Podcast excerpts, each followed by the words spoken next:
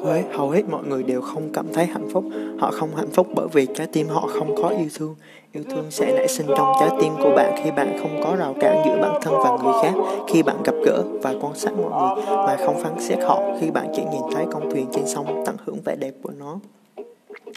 Đừng để định kiến của bạn che khuất cách bạn nhìn mọi thứ như nó vốn là chỉ cần quan sát và bạn sẽ khám phá ra rằng việc quan sát đơn giản này bắt đầu nhận thức về cái cây chim chóc, về những người đang bước đi làm việc mỉm cười thì sẽ có rất nhiều điều đó xảy ra bên trong tâm hồn của bạn.